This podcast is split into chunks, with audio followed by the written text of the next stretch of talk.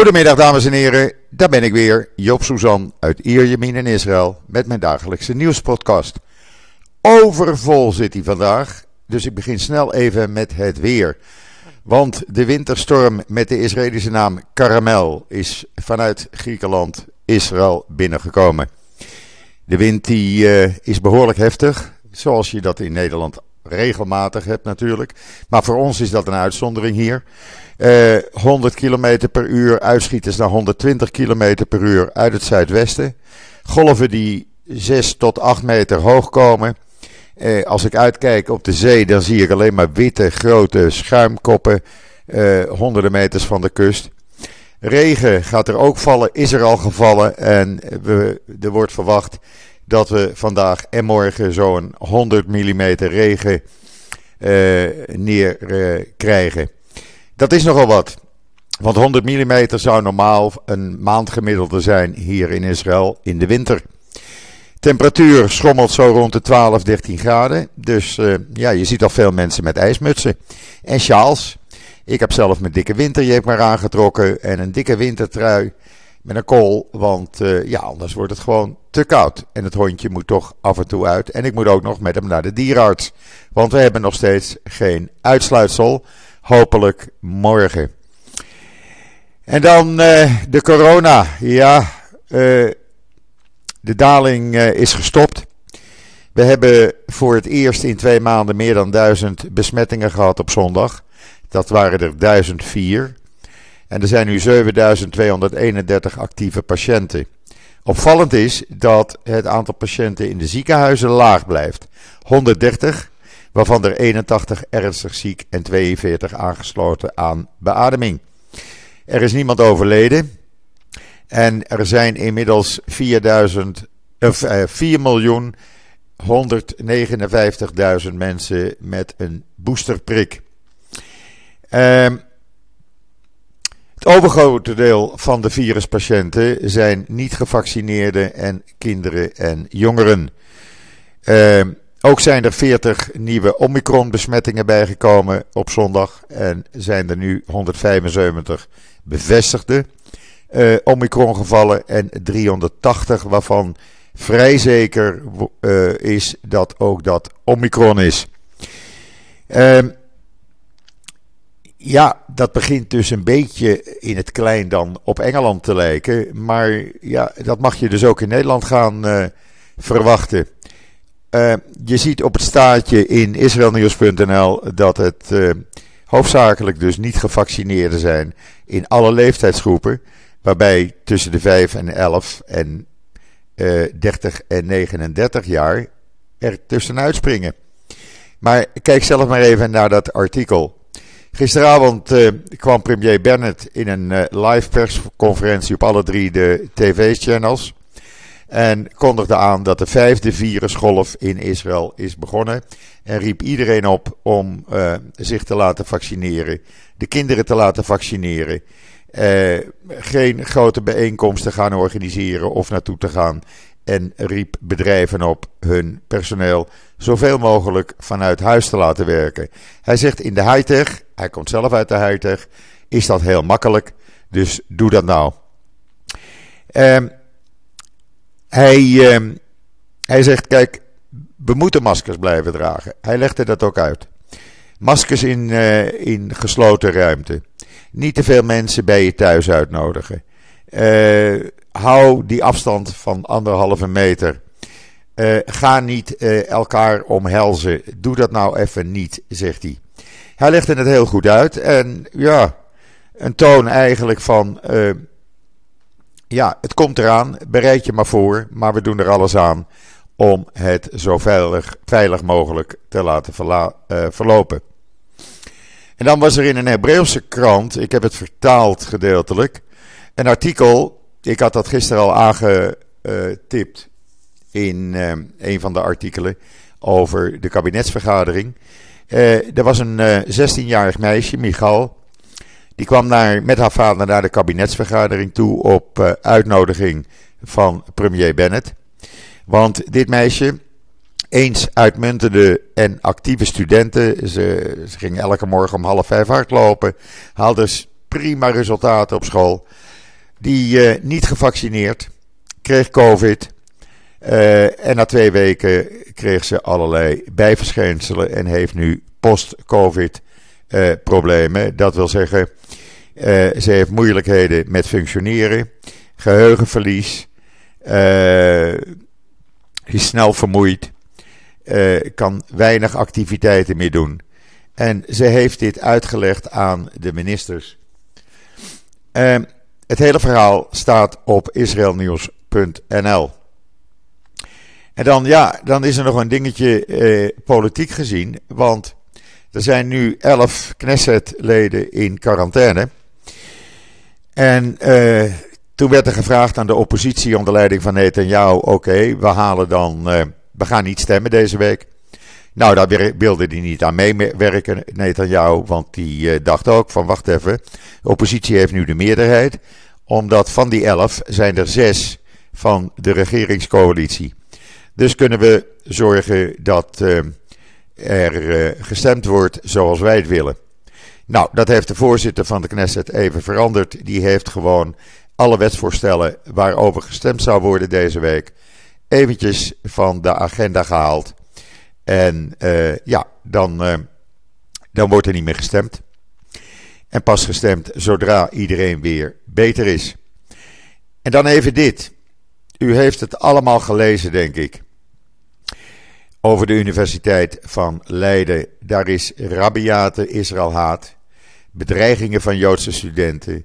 Een nieuw soort antisemitisme wordt het genoemd. Uh, Bas Belder, die regelmatig voor ons schrijft. Die was benaderd door een Joodse student uit Leiden. We weten zijn naam, maar eh, uit veiligheidsoverwegingen hebben we die niet afgedrukt. En die vertelt zijn verhaal hoe het is als Joodse student op eh, de Universiteit van Leiden te studeren. Waar docenten gek zijn van de BDS, lid zijn van het Palestina-comité, de BDS promoten, eh, uh, Hamas promoten. Ja, het is eigenlijk te gek voor woorden. Als dit de Nederlandse universiteit is. We hadden, hadden een uh, korte tijd geleden al het verhaal over de, Maastricht, de Universiteit van Maastricht. waar ook antisemitisme en Israël-haat bestaat. Maar dit is nog een tikje erger. Als u het artikel nog niet gelezen heeft, gaat het lezen. Want ja, je schaamt je dood. Ik vind als dit een universiteit is die de toekomstige leiding, zowel politiek als in het zakenleven, van, is, van Nederland opleidt, dan mogen de Joodse ingezetenen van Nederland en iedereen die Joden en Israël een goed hart toedragen, uh, zich ernstig zorgen gaan maken.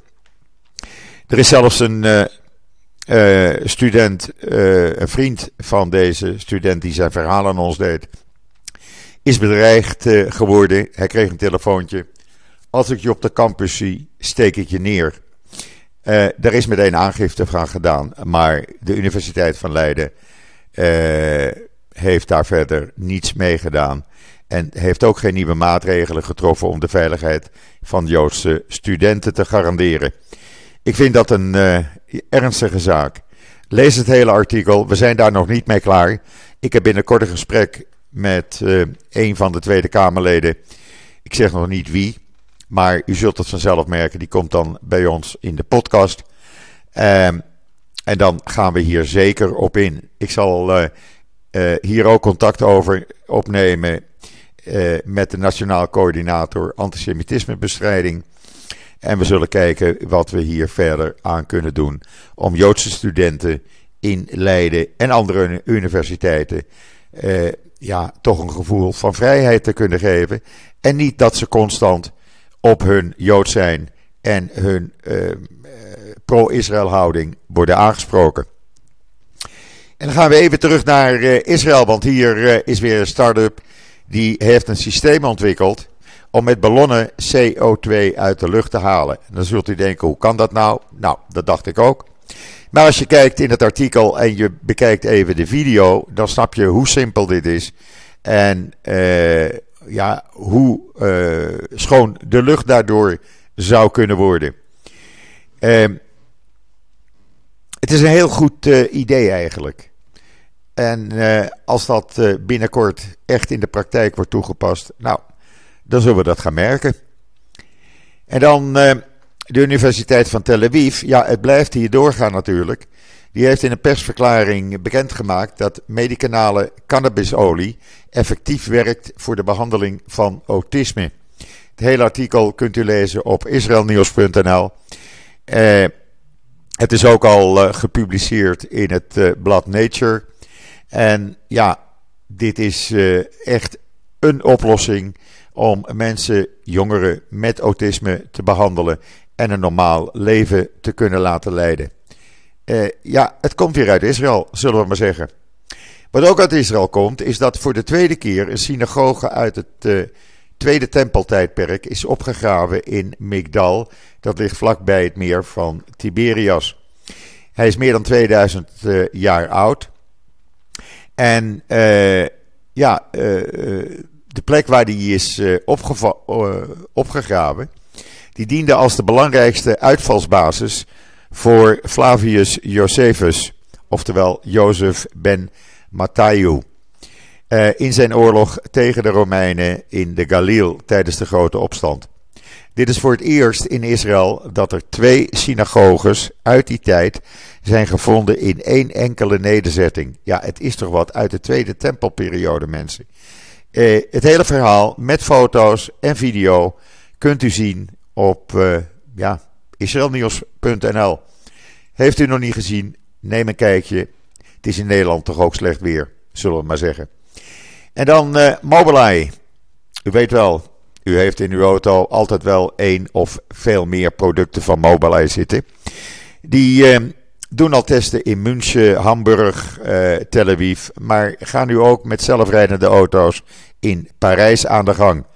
Ze hebben daar een samenwerking mee opgezet met de RATP-groep. Dat is eh, de op twee na grootste exploitant van openbaar vervoer. Dat is de Franse OV-vervoerder. en eh, ze hebben een testvergunning gekregen en gaan door Parijs met zelfrijdende auto's rijden. Voor de veiligheid zit er nog wel iemand achter het stuur om in te grijpen mocht dat nodig zijn.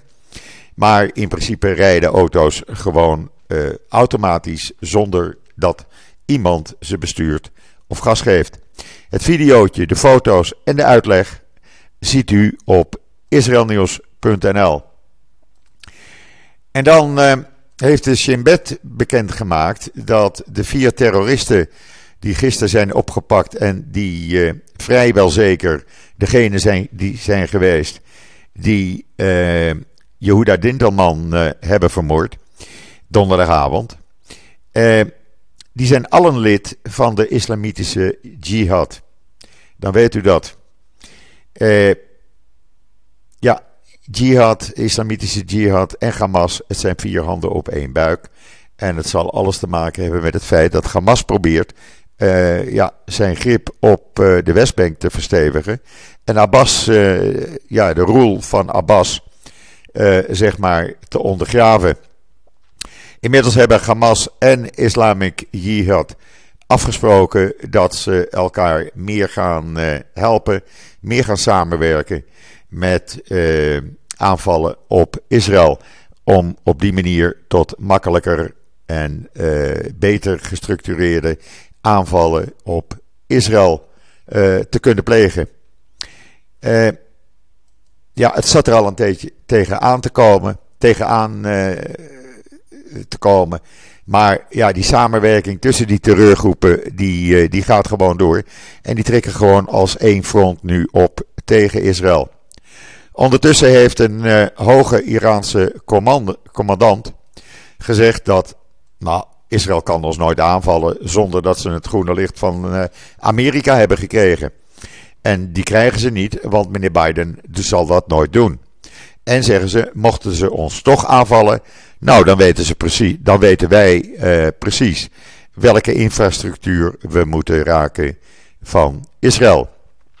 Ik had uh, van de week al op Israël Nieuws, er staat er nog op, een kaartje met alle doelen die uh, de Teheran Times heeft gepubliceerd. Die Israël, ja, waar Israël geraakt wordt. als er een aanval op Iran zou plaatsvinden. En dan, uh, mocht u uh, naar Israël uh, willen verhuizen. Ik weet dat er veel mensen plannen hebben. Nou, Beersheba in de Negev, die gaat uitbreiden. Dat wil zeggen, er komen 34.000 woningen bij. Zodat er over een aantal jaren in plaats van 200.000, 400.000 mensen kunnen wonen. Daarnaast komen er 4 miljoen extra vierkante meters kantoorruimte en commerciële ruimtes bij. En er wordt nog eens een keer voor 3 miljoen vierkante meter aan bedrijfsruimte gebouwd. En dan gaat men ook nog 370.000 vierkante meter bouwen voor toeristische doeleinden. Het wordt een grote stad, groter dan Netanya, die binnenkort 250.000 inwoners heeft. En je zit lekker in de Negev. En met de tegenwoordige sneltrein en de nieuwe sneltreinen die gepland zijn, je bent tegenwoordig al in 50 minuten van Beersheba per trein in Tel Aviv. Uh, dus ja, dat wordt alleen maar sneller. Want als over een aantal jaren de high-speed trein gaat rijden, dan zal uh, vanuit Beersheba een 30 minuten zal het ongeveer duren en ben je in Tel Aviv. En dan, uh, ja, het verschil tussen Trump en Biden. Het is nu wel duidelijk, schrijft de Jewish Telegraph Agency. Want uh, waar Trump eigenlijk nooit sprak over geweld door kolonisten op uh, de westelijke Jordaanover, uh, gaat de regering Biden dat anders doen. En in het terrorisme-rapport wat ze gaan uitbrengen, daar wordt duidelijk in vermeld de aanvallen van kolonisten op Palestijnen of Palestijnse doelen. Dat is een, uh, een hele ommezwaai, zullen we maar zeggen. Want ja, dat waren we niet meer gewend natuurlijk. Um, en dan uh, was er een hoofdredactioneel artikel vanmorgen van de redactie, hoofdredactie van de Jerusalem Post. En die zei: De wereld moet achter Israël staan in haar strijd tegen terrorisme. Nou, ik ben het daar volslagen mee eens. Israël staat er altijd alleen voor. Er is geen enkel land uh, die Israël echt steunt. Ja, Duitsland af en toe, Amerika. Maar voor de rest, uh, ja, uh, als je ziet de berichtgeving bijvoorbeeld in Nederland. Er wordt weinig bericht over terreuraanvallen die hier bijna dagelijks nu plaatsvinden. Terroristen die mensen neersteken. En ik hoor van veel van mijn luisteraars en lezers van Joop, jij bent de enige die hierover iets vermeldt. Anders hadden we dat niet eens geweten. Maar ja, zo gaat dat tegenwoordig schijnbaar. En vandaar dat ik het. Uh, ja, ik blijf het melden. Als ik dan de enige ben, nou, dan uh, is dat mijn taak om het te doen natuurlijk. En dan een drietal voormalige generaals van het Amerikaanse leger hebben bij het Pentagon erop aangedrongen van jongens, bereiden jullie zich voor op een mogelijke burgeroorlog rond de verkiezingen van 2024 of kort daarna. Want die kans die zit er echt in. Het waren drie uh, gepensioneerde inmiddels topgeneraals. Uh, en ja, u kunt het lezen op uh, in de Jeruzalem Post. Ik ben er nogal eigenlijk van geschrokken dat het zo erg is. In Egypte is een, uh, een van de topleiders van de moslimbroederschap voor samenwerking met Hamas veroordeeld tot levenslange celstraf. Uh, hij is 77 jaar, dus hij zal in gevangenschap overlijden. En uh, ja, het toont even aan hoe Egypte tegenover Hamas staat. En tegenover de moslimbroederschap natuurlijk. Waar in Nederland nog veel aanhangers van te vinden zijn. En dan in Duitsland heeft iemand delen van een Torahrol die uh, verdween na de kristalnacht in uh, een Duitse stad. Die heeft die delen eindelijk van die Torahrol weer teruggegeven. Uh, het was de Duitse stad Görlitz. En ene meneer Uwe Mader die gaf die Torah fragmenten afgelopen donderdag terug. Uh, want die bleken in zijn familie te zitten. Ja, het is een heel raar verhaal, maar die is altijd verstopt geweest eigenlijk. Uh, door zijn vader. En die was een jonge politieagent. en die werd bij de anti-Joodse pogroms tijdens de Kristalnacht naar de synagoge geroepen. En daar heeft hij die vier Torah-fragmenten meegenomen eigenlijk. Misschien om ze te beschermen. In ieder geval, dat is nooit uh, teruggegeven en dat is dus nu wel gedaan. Uh, beter laat dan nooit, zullen we maar zeggen. En dan hebben we wat roddels om het af te sluiten. Want daar houden we toch van, van lekkere roddels. Nou, daar komt hij. Josje Cohen, de voormalige Mossad, Mossadbaas, die blijkt een affaire te hebben gehad met een stewardess, een getrouwde stewardess. Uh, het komt niet bij mij vandaan, het komt bij Channel 13 vandaan, dus hou me te goede. En hij heeft aan haar, om stoer te doen, staatsgeheimen onthuld. Maar daar bleef het niet bij. Later ontmoette hij ook haar man, ene meneer Geu Scheiker. En dat is een, uh, schijnt een bekend figuur in de Israëlische kapitaalmarkten te zijn. En uh, ook tegen hem begon hij op te schappen. Uh, Geu zei op een gegeven ogenblik: Man, je bent een kletskous. Uh, en hou op met je opschepperij. Maar nee, hij ging gewoon door. En hij vertelde hoe hij, nadat hij de baas van de Mossad was geworden, zes topfunctionarissen had ontslagen. Omdat ze niet loyaal zouden zijn geweest. Hij vertelde dat de Mossad een dokter binnen zijn geleden had. Of die voor, hem, voor hun werkte. Uh, en die ook de dokter is van een bekende Arabische leider. Nou, hij bleef maar op, uh, opscheppen. dat verhaal, ja, dat is natuurlijk hier in Israël nu het gesprek van de dag, zullen we maar zeggen. Er zijn klachten ingediend bij de procureur-generaal. En het ministerie van Justitie gaat nu bekijken wat ze hiermee moeten doen. Cohen natuurlijk zegt nu: heb helemaal geen verhouding gehad eh, met een stewardess. Ik heb zelf een hele goede relatie. En eh, niemand die met mij contact hierover op heeft genomen. Wordt vervolgd, zullen we maar zeggen. En u ziet, niks menselijks is ook de Mossad-baas vreemd. En dan, ja, eh, personeel van verschillende ministeries hebben elk jaar recht op een paar dagen educatieve rondleidingen. Zo ook de honderden medewerkers van het kantoor van, Nathan, van uh, uh, Bennett, premier Bennett. Nou, die gingen naar het Arcadia Hotel in Herzliya. Natuurlijk, ze zijn uh, ook op bezoek geweest in het planetarium hier in Natanja. En ze hebben gezamenlijke maaltijden gedaan. Daar waren ook diners bij, waar zangers optraden. Maar ze hadden ook dansfeesten en escape room spellen. Nou, dan, uh, dan weten we het wel.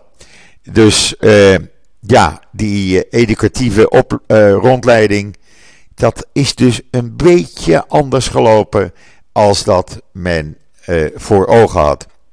Maar goed, het is bekend, we weten ervan. En we lachen er maar om, zullen we maar zeggen.